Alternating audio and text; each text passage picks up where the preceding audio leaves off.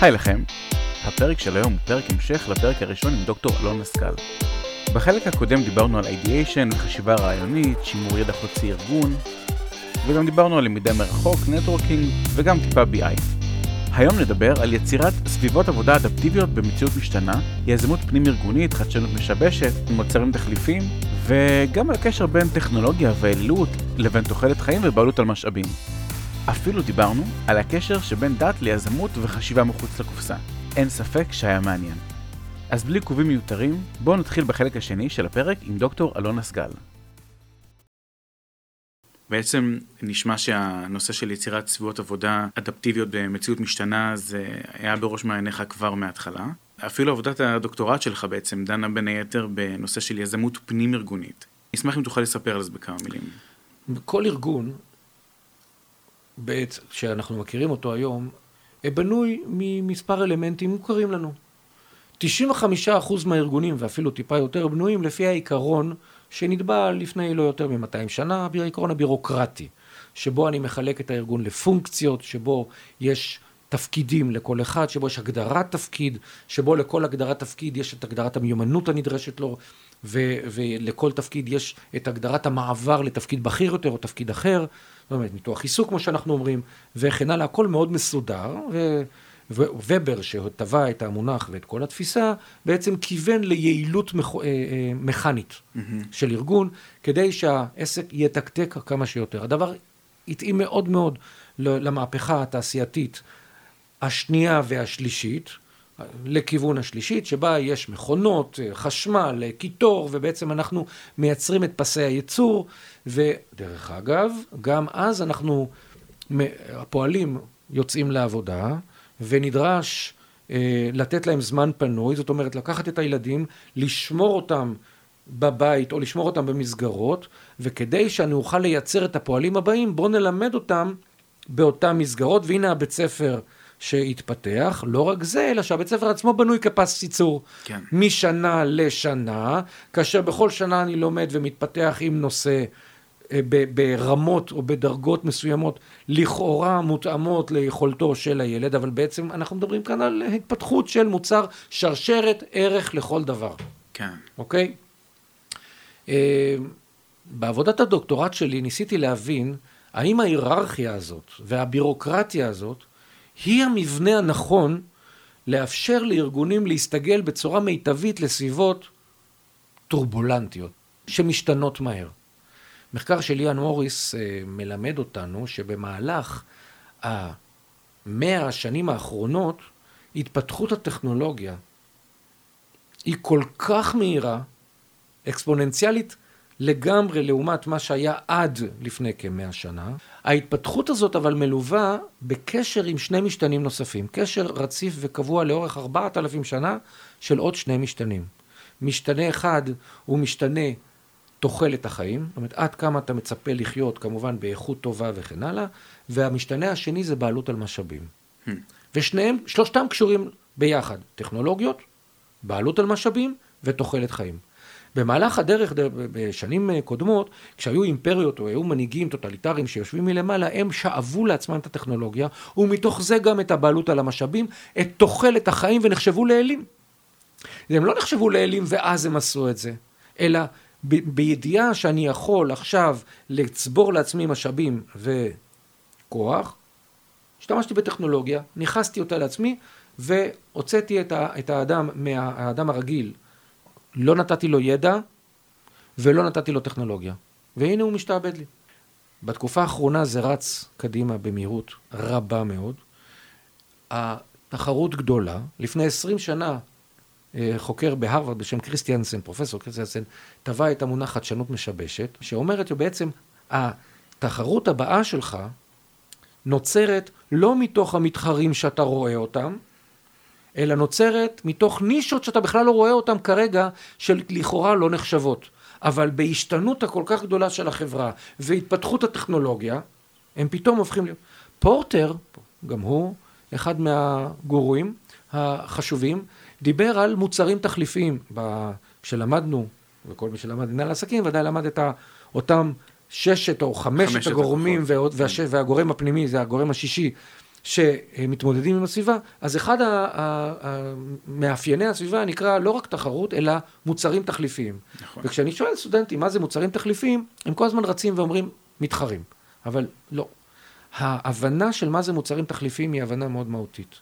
אבל הנושא הוא כזה, כשאתה חברת תעופה, המתחרים שלך זה מעולם, מסקטור התחבורה, זה יכול להיות גם רכבת. רכבת זה לא מוצר תחליפי, זה עולם התחבורה.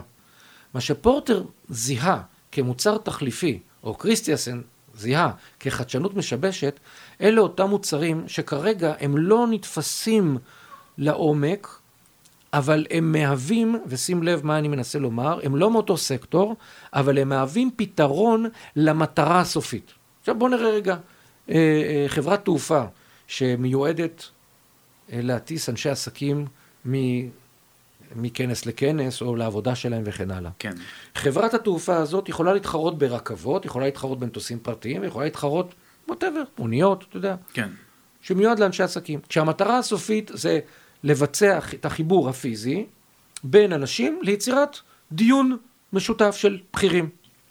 אבל הם לא לקחו בחשבון, כאן אני אקצר, כדי לא, זה לא הרצאה יותר מדי ארוכה, אבל הם לא לקחו בחשבון את עליית הוידאו קונפרנס. בדיוק. ועליית הוידאו קונפרנס בעצם יצרה, נוצרה בכלל מסקטור אחר, התקשורת, המדיה, הדיגיטל, אבל במטרה הסופית שלה, אם תלך לחדר וידאו קונפרנס אמיתי, כן, אה, אה, אתה תגלה שאתה בלי לטוס, בלי להשתמש בתחבורה, יכול לבצע דיון וירטואלי אמנם, אבל כמעט פיזי, בווירטואל ריאליטי או ממש אל מול מסך גדול, לייצר את הדיון שאתה צריך, לייצר את האינטראקציה, לייצר כל פעילות שנדרשת, והחברה הזאת, או חברות התעופה האלה, לא לקחו את זה בחשבון, ואחת מהן גם פשטה רגל בעקבות זה. חלק מהעניין, לפי מה שאני מבין, של יזמות פנים ארגונית, זה to expect the unexpected, ולקחת בחשבון uh, unknown unknowns. ועל זה אני רוצה להוסיף את הדבר הבא של מה שנקרא מערכות מורכבות מסתגלות. Oh. זה מאוד חשוב. זה בעצם מושג, זה מושג שבא מעולם ממדעי הטבע בכלל. והוא מי, הוא, הוא מייצג בעצם אה, מבנה שהוא לא בירוקרטי, לא היררכי, ומאוד חשוב להבין שבטבע יש היררכיות. אני לא אומר, יש, להקת זאבים יש בה היררכיה, קופים וכן הלאה. אבל רוב המבנים בטבע של, ה, של האורגניזם שצריכים להסתגל לסביבות מאוד מאוד משתנות, בנויים בכלל בתצורה שונה לגמרי. תיקח עץ, יש שורש, יש ענפים, יש גזע, יש ענפים ויש עלים. כן. מה ההיררכיה? אם אני כאדם, לכאורה, אני יכול לחשוב שיש כאן היררכיה, כאילו, הגזע. למה? למה לא השורשים? תמיד יש את הסיפורים האלה, סיפורי ה... הילדים של אה, כל החלקים של העץ באו לבוראם ואמרו, מי יותר חשוב? Mm. למי תיתן עכשיו את התהילה? העלים באו ואמרו, אנחנו מייצרים פוטוסינתזה. הגזע אמר, אני מעביר את המידע. השורשים אמרו, אני מחזיק את העץ. אז מי יותר חשוב? אין יותר חשוב. יש כאן תהליך מקבילי, כאשר כל הפעולות נעשות ביחד. אבל אז נשאלת השאלה, אז למה אני לא צריך ענף אחד כמו גזע? ענף אחד ועלה אחד? למה אני צריך הרבה ענפים והרבה עלים? וכאן נכנסת המערכת המורכבת המסתגלת. מערכת שבנויה מפרקטלים, מרכיבים שהם כמעט זהים, הם לא זהים לגמרי, אבל הם כמעט זהים, עלה, העלים כמעט זהים, בנויים לכאורה אותו דבר, אבל אבל יש ביניהם שינוי. אחד נוטה לכאן, השני נוטה לשם, אחד מכופף ככה, השני אה, ישר ככה, ובעצם הם מייצרים את הרובסטיות של העץ, הם מייצרים את היכולת שלו לשרוד לאורך זמן, בתנאים משתנים, בתנאים קיצוניים הוא מסוגל עדיין לבצע פוטוסינתזה, כאשר ענן מכסה 90% מהשמיים, עדיין, עדיין יש עלים שיתפסו איזשהו קרן שמש או אור, או פוטונים כאלה ואחרים, וייצרו את מה שהעץ צריך, ובעצם, ה... בלי להיכנס יותר מדי, אנחנו מזהים שגוף האדם, הרבה נימים, הרבה תאים, הרבה הרבה הרבה, מדובר כאן באיזושהי מערכת פרקטלית שמייצרת שני, כמה דברים חשובים. האחד, כל תא הוא אוטונומי, כל, אורגני, כל הלב הוא אוטונומי, הוא עובד לעצמו, אבל הוא קשור בצורה ברורה וישירה למטרה של כל העץ. כן. זה, זה, זה בעצם כמעט אותו דבר. וכך בעצם השלם גדול מסך חלקיו. והשלם גדול מסך חלקיו בתנאי, ושים לב, אני מדבר הפוך, בתנאי mm-hmm. שכל אחד מהחלקים לא בנוי בהיררכיה שאנחנו מייצרים אותה, אלא ארגון שטוח, ארגון שיש בו יכולות אוטונומיות. יש מנהלים, אבל הם לא מנהלים אנשים, אלא מנהלים תהליכים. כן. כתבתי על זה מאמר לפני קרוב ל-15 שנה, ורק לפני 10 שנים הוא פורסם, רק שעורכי הז'ורנל, כתב עת, אמרו לי, אוקיי, עכשיו אנחנו מבינים למה אתה מתכוון, מה זה לנהל תהליך ולא לנהל אנשים. Mm-hmm. אין צורך לנהל אנשים, האנשים ינהלו את עצמם כמעט תמיד, לא תמיד, יש מקומות עדיין שבו אני צריך לנהל את האנשים, אבל ברוב המקרים הם מנוהלים בעצמם. כן. אוטונומיה. בסביבת ארגון, בסביבת עבודה של הארגון, שהיא אוטונומית, שהיא, שעובדים אוטונומיים, שיש להם זהות בין האינטרסים שלהם לבין הארגון, שיש להם יכולת תקשורת ו- ונטוורקינג, שיש להם מערכות מידע שהם יכולים להפיק ולהוציא מידע, אבל שקיפות מלאה, לא רק מה שבא לי לתת להם. כל, היצורה, כל היצירה הזאת מייצרת בסופו של דבר אה, מערכות ארגוניות שהוכחו כמערכות הרבה יותר טובות, מערכות שהן הולוקר... אה, יש, הקיצוני בהן הוא מערכת הולוקרטית, מערכת דמוקרטית לחלוטין. יש מערכות כאלה. לצערנו בחודש אה, שעבר נפטר אחד האנשים שהובילו את המערכות האלה בעולם, ובגדול, רק בלי להיכנס יותר מדי, אחד המחקרים שלי כרגע, או אפילו ניסיון לפתח אה, סטארט-אפ נוסף בהקשר הזה, זה לקחת את המודל הזה, לחקור נחילים, ולהבין איך באמת נחילים פועלים. האם כשאני לוקח, כשהצבא לוקח נחילים של רחפנים, או כשבחקלאות אה, לוקחים נחילים של רחפנים כדי לזהות אה, בשטח, האם הם צריכים לפעול כיחידה אחת, האם הם צריכים לפעול כמו ארגון היררכי עם מרכז שליטה אחד, או שהם צריכים לפעול כמערכת מורכבת מסתגלת. כן. וזה עולם חדש. מעניין מאוד. האמת שבתואר הראשון שלי, בהנדסת עשייה וניהול, עבודת הגמר שלי, השתמשתי בין היתר ב... בכמה כלים הנדסיים, אחד מהם היה הסוכן הנוסע, וזה אלגוריתם היוריסטי שהמטרה שלו היא בעצם לעשות אופטימיזציה לנתיבים. אז סתם הזכרת לי את זה, מאוד זה מעניין. זה בדיוק המקום, זה, זה בדיוק הדוגמה הנכונה, איך בעצם אני יוצר נתיבים, ואוקיי, לא כרגע. כשעשיתי את סקירת הספרות לעבודה שלי, בעצם היו המון המון עבודות על, על כוורות ועל דבורים ועל נכון חרקים. נכון מאוד. אז הזכרת לי את זה גם. אז אני עכשיו מחפש את האלגוריתמאי שיבוא ויפתח את האלגוריתם שאני, את הלוגיקה שאני אתן לו, ולפתח את המוצר החדש. הנה, אני יכול להמליץ לך על אחד שאני מכיר. נו, קדימה, הזמנה, אני מחכה. בסדר גמור. אני אחזור טיפה אחורה, דיברנו עכשיו בעצם על, על יזמות, על, uh, במובן מסוים uh, על רעיונאות, על חדשנות משבשת, כל מיני uh, תחומים שהם פורצי דרך. אני אחזיר אותך להתחלה, נולדת בפתח תקווה, למדת בבית ספר ממלכתי דתי, אחר כך בישיבה תיכונית ו... ובישיבה גבוהה. בישיבה גבוהה, נכון.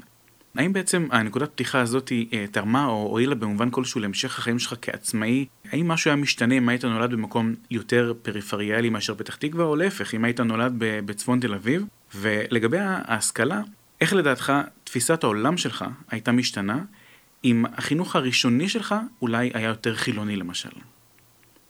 וואו, איזו שאלה מעניינת, ואני לא יודע עד כמה זה קשור לאידיאשן, אבל זו באמת שאלה מעניינת. אז אני אתחיל ככה. קודם כל נולדתי בפתח תקווה, אבל חייתי בתל אביב. Mm-hmm. ההורים שלי חיו בתל אביב. אוקיי. Okay. שהביאו אותי לפתח תקווה, אין לי מושג למה דווקא לשם, אבל... באיזה חלק של תל אביב, סתם כדי שאני... אז, אז החלק היה בצפון, mm-hmm. אבל הוא היה מעבר להרי החושך. זאת אומרת, אז, 아. אה. בגילי, זה, זה, זה, זה היה די ריק. כן. היה הצפון. אה, אבל כן, שמה, אה, שמה, ואין שום ספק שזה משפיע, ואין שום ספק שבישראל המרכז משפיע על הפריפריה, אין לי שום ספק בזה. אין כאן חלוקה שווה של משאבים, אין כאן חלוקה שווה של הזדמנויות. חד משמעית, אני מאוד מקווה שזה ישתפר, דווקא בעידן של למידה מרחוק, או הפעילות מרחוק, שיכולה מאוד לקדם את העניין הזה, ואולי זה גם ישתפר ב- ב- בעקבות המכוניות אוטונומיות, או הסעות אוטונומיות, שזה יכולים להביא ממקום למקום, שזה יכול לשפר בצורה בלתי רגילה. אבל כרגע עדיין אנחנו לא שם. אה, אין לי שום ספק ש... ואני ממש מאמין בזה, שחינוך במסגרות דתיות, אני לא מדבר כרגע על חינוך דתי, כן. אלא במסגרות דתיות, mm-hmm. למידת גמרא מגיל מאוד מוקדם, שינה, שינתה לחלוטין את uh, שיטת החשיבה שלי. באיזה ויה... אופן? יעידו אנשים שלמדו איתי תואר ראשון שאני למדתי פשוט שונה לגמרי. ולא סתם אני כל כך אוהב את הלמידה האוטונומית והלמידה העצמאית וחיפוש המידע ו... ו, ו ככה לומדים גמרא. ולומדים גמרא בחברותה, ולומדים גמרא עם אנשים שמבינים, שאתה הולך לשאול את האנשים שמבינים, זאת אומרת, אתה צריך לעשות נטוורקינג ולדעת מי מבין באיזה סוגיה. אתה לומד בעצמך, אתה מגיע לדיון אחר כך. אתה מגיע, אחרי שלמדת אתה מגיע לדיון, אתה לא, לא הפוך, אתה לא לומד ואחר כך אתה לומד ומגיע לדיון. אתה לומד להעריך, יש שתי, יש שתי שיטות למידה. יש למידת בקיאות ויש למידת עיון, ככה זה נקרא למידות הגמרא בישיבות. יש mm-hmm. ישיבות שאתה פשוט לומד מסה, בקיאות. אתה כן. לומד ולומד ולומד ולומד. ויש ישיבות שאתה לומד עיון, אתה לומד לעומק, אתה הולך לסוגיה לעומק. ההתפלפלות, מה שאנחנו קוראים. כן. אבל ההתפלפלות היא בעצם בדיוק מה שהאקדמיה מבקשת לעשות באינטגרציה של מקורות מידע. זה התפלפלות. Mm-hmm. אז באקדמיה זה סבבה, ואצלהם זה פחות. לא נכון. כשאתה לומד גמרא, אתה צריך ללכת למקורות מידע שונים, להצליב מידע, לראות לפחות, לפעמים סתירות בין מידע, ליישב בין אדם אחד שאמר ככה לאדם אחד שאמר אחרת, לראות מידע כמותי ומידע איכותני, שים לב עד כמה זה מתחבר לעולם שאני עוסק בו היום, כן. מתוך הלמידה, אבל כשבאתי לתואר ראשון, למדתי הרבה פחות, הרבה פחות קראתי, כמו תוכי, הרבה מאוד מאמרים. היה לי הרבה יותר קל להתמודד עם החומר, כזה שלמדתי אותו גם לפני כן, וכל הגישה כאן השתנתה, יכולתי לעשות הרבה יותר דברים, להיות בוועד, ועד הסטודנטים, mm-hmm. בנשיאות שם, להיות ב, ב... אני יודע מה, ב, לעבוד, אה, אה, באגודת הסטודנטים שם, אה, תרבות, כיוון שזה נתן לי הרבה מאוד זמן שאני הייתי צריך לגלגל את המידע בראש, ולא לשנן אותו כל הזמן אחרי... כן. אז, אז זה באמת שינה את הכל, על אף שגם ב, בעולם, הד, בעולם הדת יש כאלה שמשננים, ואני חושב שזה גם חשוב, וטוב, זה לא... כן. אבל הלמידה שונה. לומר האם הדת שינתה את קורס אוף חיי, וואו, אה, כן, אין ספק. אה, כמו עוד הרבה דברים אחרים. בפתח הדברים שלך בעצם אמרת שהיום אתה יותר חילוני, שבעצם זה, הדת סוג של התנגשה בעצם עם חלק מה, מההיבטים שאתה עוסק בהם. אני לא חושב שהדת התנגשה, אני חושב שלדת, או, או בוא נגיד ככה, אפשר לחבר, אפשר לגשר בין הכל, אם תהיה נכונות מכל הצדדים. זה לא שאני לא, אני, אני כן חושב שניתן לתת כבוד מלא לאנשים שמאמינים שיש מעלינו כוח כן. נוסף. בסדר, אז מאמינים. אף אחד לא יכול להוכיח שכן ולא יכול להוכיח שלא, באמת שלא. ברור. לא, אני לא אומר את זה בקטע ביקורתי, אני בסך הכל אומר שזה משהו שקיים, זה, זה הבדל מסוים נגיד בינך לבין אה, האני המקביל שלך ביקום מקביל שנגיד היה נולד במסגרת אחרת, ובסך הכל... אה, אבל תראה, כשאתה כותב עבודה אקדמית, כן. אתה צריך להקפיד על מבנה מסוים. כן. אתה צריך לכתוב את המקורות לפי APA נגיד אה, של אה, איגוד הפסיכולוגים. נכון. אז מה ההבדל בין זה לבין המסורות של תפילה? אז גם להם יש את, הס... את הסטנדרטים שלהם. כן. לא, לא מבין את ההבדל. מה ההבדל בין אה, השיטה שאתה מנהל את הפודקאסט, שיש לך פתיח וכן הלאה, ויש לך שאלות, לבין בן אדם שאומר, אוקיי, אני רוצה עכשיו לדבר עם אותו כוח עליון באיזושהי דרך מסוימת. מה ההבדל בין זה לבין התרבות המסורתית, הארגונית, שבו אתה הולך לדבר עם הבוס שלך בכל מיני מקומות? אני אגיד לך מה, בסופו של דבר, לדת יש מעין מוניטין, אוקיי, לא יודע אם מוצדק או לא, שהיא בעצם מגבילה את החשיבה. בצורה צודק. מסוימת. לצערי הרב אתה צודק. כאן יש נפילה. זה לא חייב לקרות, אני לא אומר. זה לא חייב לקרות, זה לא נכון. יש פתיחות חשיבתית, יש מדענים גדולים ברחבי העולם שהם דתיים. כן. אבל אתה צודק שיש פחד גדול מאוד מהרבה מאוד גורמים דתיים לש, לשמור את המסורות, למסגר את החשיבה, כדי שחס וחלילה לא אנשים לא יחשבו יותר מדי עצמאית ואוטונומית, מסכים לגמרי. בנוסף למסגור של החשיבה, גם יש עניין, שאני לא רוצה להיכנס יותר מדי לעניין הדתי, אבל יש גם את העניין של יש דברים שלא שואלים, או יש כל מיני אקסיומות שמקבלים as is. מצד שני, גם אפשר להגיד שגם במתמטיקה יש אקסיומות שמקבלים אותם as is. ולאקסיומות של מתמטיקה אתה צריך להתמודד, ולאקסיומות של הדת אתה גם צריך להתמודד. נכון. אני מודה שאירוע מסוים בעברי, מאוד מרכזי, שכלל בחוס או ניסיון לתת תשובה מוזרה לגמרי לשאלות ששאלתי בענייני דת, הובילו אותי לצאת מזה. מעניין. בזה אתה צודק מאה אחוז, חבל. בהקשר של הבניה מחשבתית וכל הדברים שכרגע ציינת, יש לך בעצם היסטוריה עשירה של הרצאות במספר מוסדות אקדמיים לאורך השנים, בארגונים ממשלתיים שעבדת בהם כמו משרד האוצר, בוועדת הפער הדיגיטלי בישראל, ומשרד החינוך ש... שסיפרת שאתה חבר בוועדת מקצוע. ובצבא במשך שנים רבות. נכון, נכון, זה בדיוק אה, היה הדבר הבא שרציתי לציין. מצד שני, גם עבדת בעמותות ללא כוונת רווח כמו איגוד האינטרנט הישראלי, והיית גם מייסד, שותף, מנהל ודירקטור במגוון חברות אה, סטארט-אפ. בחברות סטארט-אפ עוד אפשר להבין אה, את רוח החדשנות והמודרניזציה, אבל מה שמעניין אותי לדעת זה איך הצלחת לקשור יזמות, אה, רעיונאות, חדשנות וכיוצא בזאת, עם מה שנתפס כארכאי מיושן ואולי גם מנוון כמו משרדים ממשלתיים ואפילו מוסדות אקדמיים שידועים בכך שלוקח להם זמן לאמץ אה, חדשנות במקרים מסוימים. התדמית נכונה. את, אני, לא, אני לא אתכחש, אתה צודק. צבא, אקדמיה, ממשלה, כן. אתה צודק לגמרי. לגמרי. ושאלו אותי הרבה פעמים איך אתה שורד שם ומה אתה עושה שם. לשמחתי הרבה, ברוב הזמן, לא כל הזמן, ובזמן שלא נתנו לי פשוט הלכתי, אבל ברוב הזמן הייתי, היה לי את הזכות להיות בתוך מסגרות יזמיות, מסגרות דינמיות, שבתוך אותם גופים.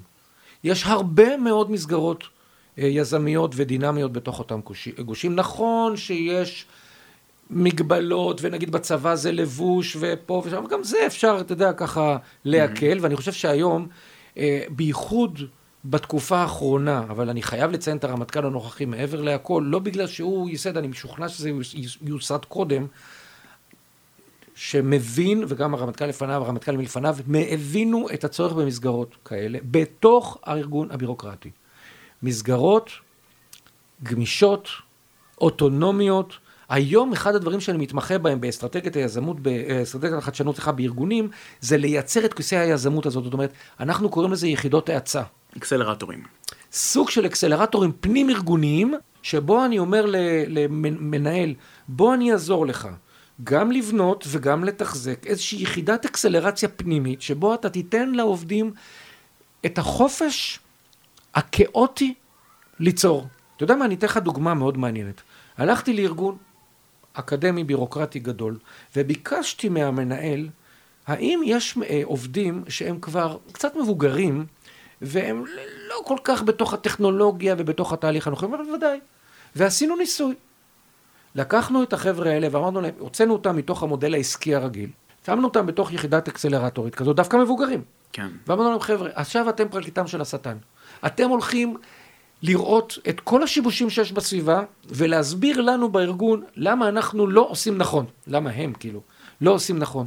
הייתי משלם כדי לראות את זה. אני מדמיין את הזקנים מהחבובות שיושבים על המרפסת עכשיו. ואתה יודע מה? אותם זקנים מהחבובות היו חדשניים מאוד, מכיוון שזה נכון שהם באו מעולם מסורתי, אבל ברגע שאתה מטיל ספק בכל פעילות שיש עכשיו, לא בשביל לעשות רע, אלא בשביל לעורר את המחשבה, ולגרד את ההבנה האם אפשר לעשות טוב יותר, אתה תראה מה קורה גם בארגונים קשים, סגורים, וכמובן אה, גם בארגוני סטארט-אפ. אבל אני רוצה להגיד לך עוד משהו לגבי סטארט-אפים. אני לא רוצה לדבר אחוזים, אבל מעל 60 אחוז מהסטארט-אפים, אלו אנשים שהיו בתוך ארגונים, כולל בצבא, גילו את הצורך, הבינו את הדרך הנכונה, והחליטו שני דברים, או שאין להם מקום בצבא מספיק גמיש כדי לעשות את זה, או שהם לא מוכנים להתחלק עם הרווחים העתידיים בצבא, או שהם מוכנים לזחול על ארבע, כמו כל יזם, כדי לקבל משאבים אחרים ולא להשתמש במשאבים של הארגון, העיקר לבוא ולהגיד, עשיתי את זה עצמאית. אבל זה, זה, זה התפתח דווקא בתוך, בתוך אותם ארגונים, התובנה וההבנה. אז אם אני אתן לבוא לארגונים ואני אגיד להם, תשמעו, תעשו בתוך הארגון אקסלרטור שלכם, תשפרו אותו, תגדלו אותו. אני רוצה כאן אה, דווקא לספר על שי גוטמן מ-UPS, שזה בדיוק מה שהוא עשה. אדם, אני מאוד אוהב את הדרך שלו, פשוט פתח לו מיני אקסלרטור כזה לידו, אפילו ארגן או חיבר דירקטור פנימה, קיבל אישור המנכ"ל, ו... ואני רוצה להגיד לך שזה מדהים מכיוון ש... מוצרים שנוצרו שם הם כבר בתוך הארגון, הם mm-hmm. כבר מקדמים את הארגון לכיוונים אחרים. הוא מגיע לתחרויות עם, עם, עם, עם, עם אה, מערכות שפותחו שם ולא בתוך הארגון. Mm-hmm. וזה נכנס לתוך הארגון. כמובן שצריך שיהיה קשר וצריך שיהיה תמיכה וצריך שיהיה חיבור. את כל הדברים האלה באמת אני עובד יחד עם, אה, עם, אה, עם ארגונים. כך שלשאלתך, בארגון בירוקרטי יש הרבה משאבים. כן. יש הרבה אנשים מדהימים. יש הרבה אנשים שיכולים לחשוב. אם אתה תיצור את סביבת העבודה, מערכת מורכבת מסתגלת, כאילו סביבת עבודה כן. מסתגלת, כמו שצריך, אותו מיני אקסלרטור כזה, ואתה תיתן את התנאים הנכונים, משם יכולים לבוא הפיתוחים המדהימים ביותר שיש, יותר מסטארט-אפים. אבל מה לעשות, וזה קשה, ומנהלים צריכים ביקורת, ו- ו- ולאורך זמן, ומנהלים צריכים שליטה, ומנה... וזה לא נכון, מנהלים צריכים לנהל תהליכים כן, ולא- כמנהל... לכן, דרך אגב, התפיסה שלי שמקצוע העתיד הוא, נגיד, מנהל מוצר, או מנהל אקסלרטור, כן. מעין, או מנהל לקוח. הם האינטגרטורים האלה, שהם לא צריכים לנהל אנשים, אלא לנהל תהליכים, תהליכים. ולאפשר את ההתפתחות הזאת שאנחנו מדברים בה. מעניין, ואפילו מפיח תקווה. תודה לך על זה. אנחנו ממש לקראת סיום. בתחילת הפרק אה, ציינתי שאנחנו נראה אותך שוב בסדנה, שתעביר למועדון היזמות, בנושא אה, ideation. למי שהנושא מעניין אותו, בואו נשמע בכמה מילים מה צפו לנו בסדנה, הפעם מותרים ספוילרים. מותר עם ספוילרים. אז קודם כל, בתוך הסדנה, מאחר ואין לנו הרבה זמן בתוך הסדנה, אם היה הרבה יותר זמן, כמובן שאיתן היה יותר, אבל מאחר ואין אין הרבה אה, אה, זמן בסדנה, ואני כן רוצה להעביר קצת, קצת אה, אלמנטים עיוניים, או לפתח דיון וכן הלאה, אז, אז אנחנו נלמד את התהליך. כן, שמתחיל בעצם מתובנות מהסביבה, וכשאני אומר תובנות מהסביבה זה לאו דווקא מהסקטור הספציפי, מכיוון שחדשנות משבשת, היא בעצם באה, עלולה להיות מנישה בכלל חיצונית, או מוצרים תחליפיים בכלל מגיעים מסקטור אחר. כן. זאת אומרת, אם אני רוצה לייצר איזשהו תובנה מסוימת, אז קודם כל אני צריך לנסח את הצורך. אני עובד, עבדתי עם, עם ועדות של, אה, של השקעה למול סטארט-אפים, ו, ותמיד אני שואל, עד כמה היזם באמת מבין את הצורך. אני גם כותב ספר עכשיו שנקרא תודעת הטכנולוגיה, או התודעה הטכנולוגית, שבעצם אחד האלמנטים החשובים ביותר שלו היא, כדוגמה אני אתן כדי להסביר את זה, באים הורים ואומרים, אבוי לנו ילדים שנמצאים בתוך הסמארטפונים, פייסבוק, טיק טוק וכן הלאה, עכשיו יש את ה Clubhouse, שזה בכלל חדש, כן. וכולם מבסוטים ממנו, הם מנוכרים, אין להם תקשורת עם אנשים אחרים, הראש שלהם מכונס בתוכו. חבר'ה, אל תגידו שום דבר עד שהשתמשתם בטכנולוגיה, כן. הבנתם איך היא פועלת, הבנתם באוריינות שלה, הבנתם אמיתי את התועלות שהיא יכולה לתת, ופתאום אתם תגלו שמבחינת תקשורת, היום ילד בגיל 12 יכול לבצע פעולת תקשורת וניהול, וניהול של נגיד קבוצה של 40-50 אנשים, ולייצר שיווק ותקשורת, כן. מס מדיה והכל. כשאני רציתי לעשות את זה אז, אי אז בזמנו, הייתי צריך להיבח- להיבחר לוועדת אה, קישוט בבית ספר, בכיתה, כדי שייתנו לי לעמוד על, ה- על, ה- על הכיסא ולקשט את הכיתה ולהפעיל אנשים ולהגיד להם, "בוא, תתלה את זה פה, תתלה את זה שם. זה מה שהיה אז. היום כל ילד יכול לעשות את זה, אז התקשורת אולי היא תקשורת שנראית מוזרה, היא תקשורת דרך מסך, וכאילו לא באמת בדיבור או עם הלבן בעיניים, כן. אבל זו תקשורת אינטימית מאוד ורלוונטית מאוד. אז התודעה הזאת, התודעה הזאת חייבת להיות בשלב הראשון של ה-ideation. רק משהו אחד, אה, סיפור אישי, הזכרת לי שהייתי, אה, אני ואח שלי היינו ילדים קטנים, יש לי אח שצעיר ממני בשלוש שנים. בשנות ה-90 שיחקנו משחקי מחשב כילדים, ואז אח שלי התחיל לשחק במשחקי רשת אונליין אה, מרובי משתתפים, עוד לפני שהיה את הראשי תיבות אה, MMORPG, ואני תמיד הייתי צוחק עליו שהייתי הייתי אומר לו, אתה והחברים הווירטואליים שלך, זאת אומרת שזה לא חברים אמיתיים. הוא דיבר עם אה, מישהו מאנגליה ועם עוד כל מיני אנשים מרחבי העולם, ואני... אפשר להגיד שהוא היה יותר יזמי ברוחו נכון. באותה תקופה, ואני לא הצלחתי להבין את זה, לקח לי שנים להבין שבעצם יש משמעות אה, עמוקה ואמיתית, בדיוק כמו כל קשר אחר לאותם קשרים שהוא יצר בזמנו. היה סיפור בזמנו, אז שהיינו צעירים, שחברת אה, IBM שכרה לשירותיה אסטרטג רמה 5 ב-WOW, מכיוון שהיא הבינה World גם... of Warcraft. כן, World of, War- World of Warcraft, אה, מכיוון שהבינה גם את החשיבה האסטרטגית שלו, גם את יכולת התקשורת שלו עם כ-5,000 אנשים בדרגה שלו, וגם את התובנה החברתית שלו, ובגלל זה היא שכרה אותו לתפקיד ניהולי. מעניין. חשוב מאוד להבין שיש דרכי תקשורת שונים. לא חייב להיות מגע בתקשורת. יש אוכלוסיות שונות שהאהבה גדולה פורחת בלי מגע, לפחות עד החתונה. כן, נכון. יש, יש אוכלוסיות שאפשר לתקשר מרחוק. אתה צריך פשוט לחיות את זה, להבין את זה, ומתוך כך לבוא ול... אני לא אומר, אתה צריך להתרגל לזה גם, אבל, כן. אבל אתה לא יכול לבוא ולהגיד כן טוב או לא טוב עד שאתה בפנים. ולכן, בתהליך האידיאשן, כשמדברים על סיעור מוחות, ותמיד בסיעור מוחות אומרים, חבר'ה, אסור לחתוך אחד לשני, אסור להגיד אחד... לא, לא, בעצם ממה זה נובע? זה בעצם נובע מתוך התובנה שאתה לא יכול להיות אתנוצנטרי, אתה לא יכול לחשוב שבאמת העולם שלך אין עוד מלבדו. כן. או רק מה שאתה חושב. אתה צריך לשבור את אותם שלשלאות, אפרופו לצאת מהדת, לשבור את אותם שלשלאות כדי להבין שיש דרך אחרת לגיטימית, mm-hmm. שונה לגמרי ומתאימה. ולא רק זאת, אלא יכול להיות שאם נגיד התפתחות הטכנולוגיה, יכול להיות שיש אנשים שהבינו הרבה יותר מהיר את היתרון, עשו סטארט-אפ ואתה אולי צוחק עליהם וחושב שהם סתמיים ואתה לא מבין אותם, והרבה משקיעים חושבים ככה מכיוון שהם מהדור הקודם או שניים קודם, בלי להבין שזה בעצם המוצר התחליפי הבא. תשמע, אני לא יודע מה איתך, אני כבר uh, מצפה בכיליון עיניים לסדנה. Uh, כל זאת ועוד, כמו שאומרים.